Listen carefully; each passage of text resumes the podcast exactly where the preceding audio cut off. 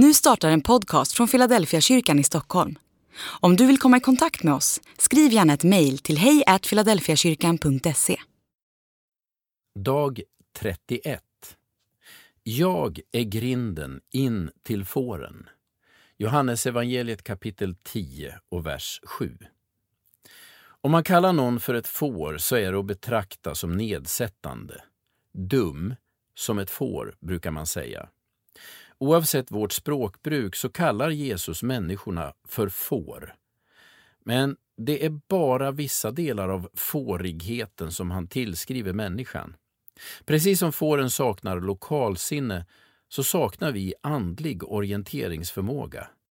Ett av de största bekymren för människan har alltid varit den inre vilsenheten. Vart är jag på väg? Varifrån kommer jag? Och vad gör jag här? Egentligen är det otroligt att så många människor står ut med att leva utan svaren på så grundläggande frågor.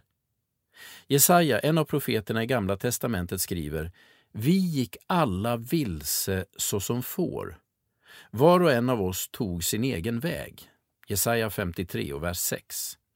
Jesus säger Jag är grinden, den som går in genom mig ska bli räddad. Han ska gå in och han ska gå ut och han ska finna bete. Jesus är grinden i existentiell, andlig mening. Han är svaret på alla de stora livsfrågorna. Att han kallar sig själv för grinden antyder att man kan vara på olika sidor i förhållande till honom. Utanför, vid sidan av eller med honom. Det finns en medveten övergång eller ingång som vi människor behöver göra. Jesus beskriver sig som Guds övergångsställe.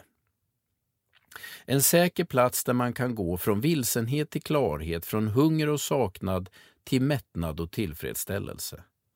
Svaret på de stora livsfrågorna kan inte formuleras i en mening eller ett logiskt resonemang. Svaret på de stora livsfrågorna finns i Jesus och hans person. Det är inte så att man som lärjunge till Jesus kan svara på alla frågor om livets varför, vart och hur.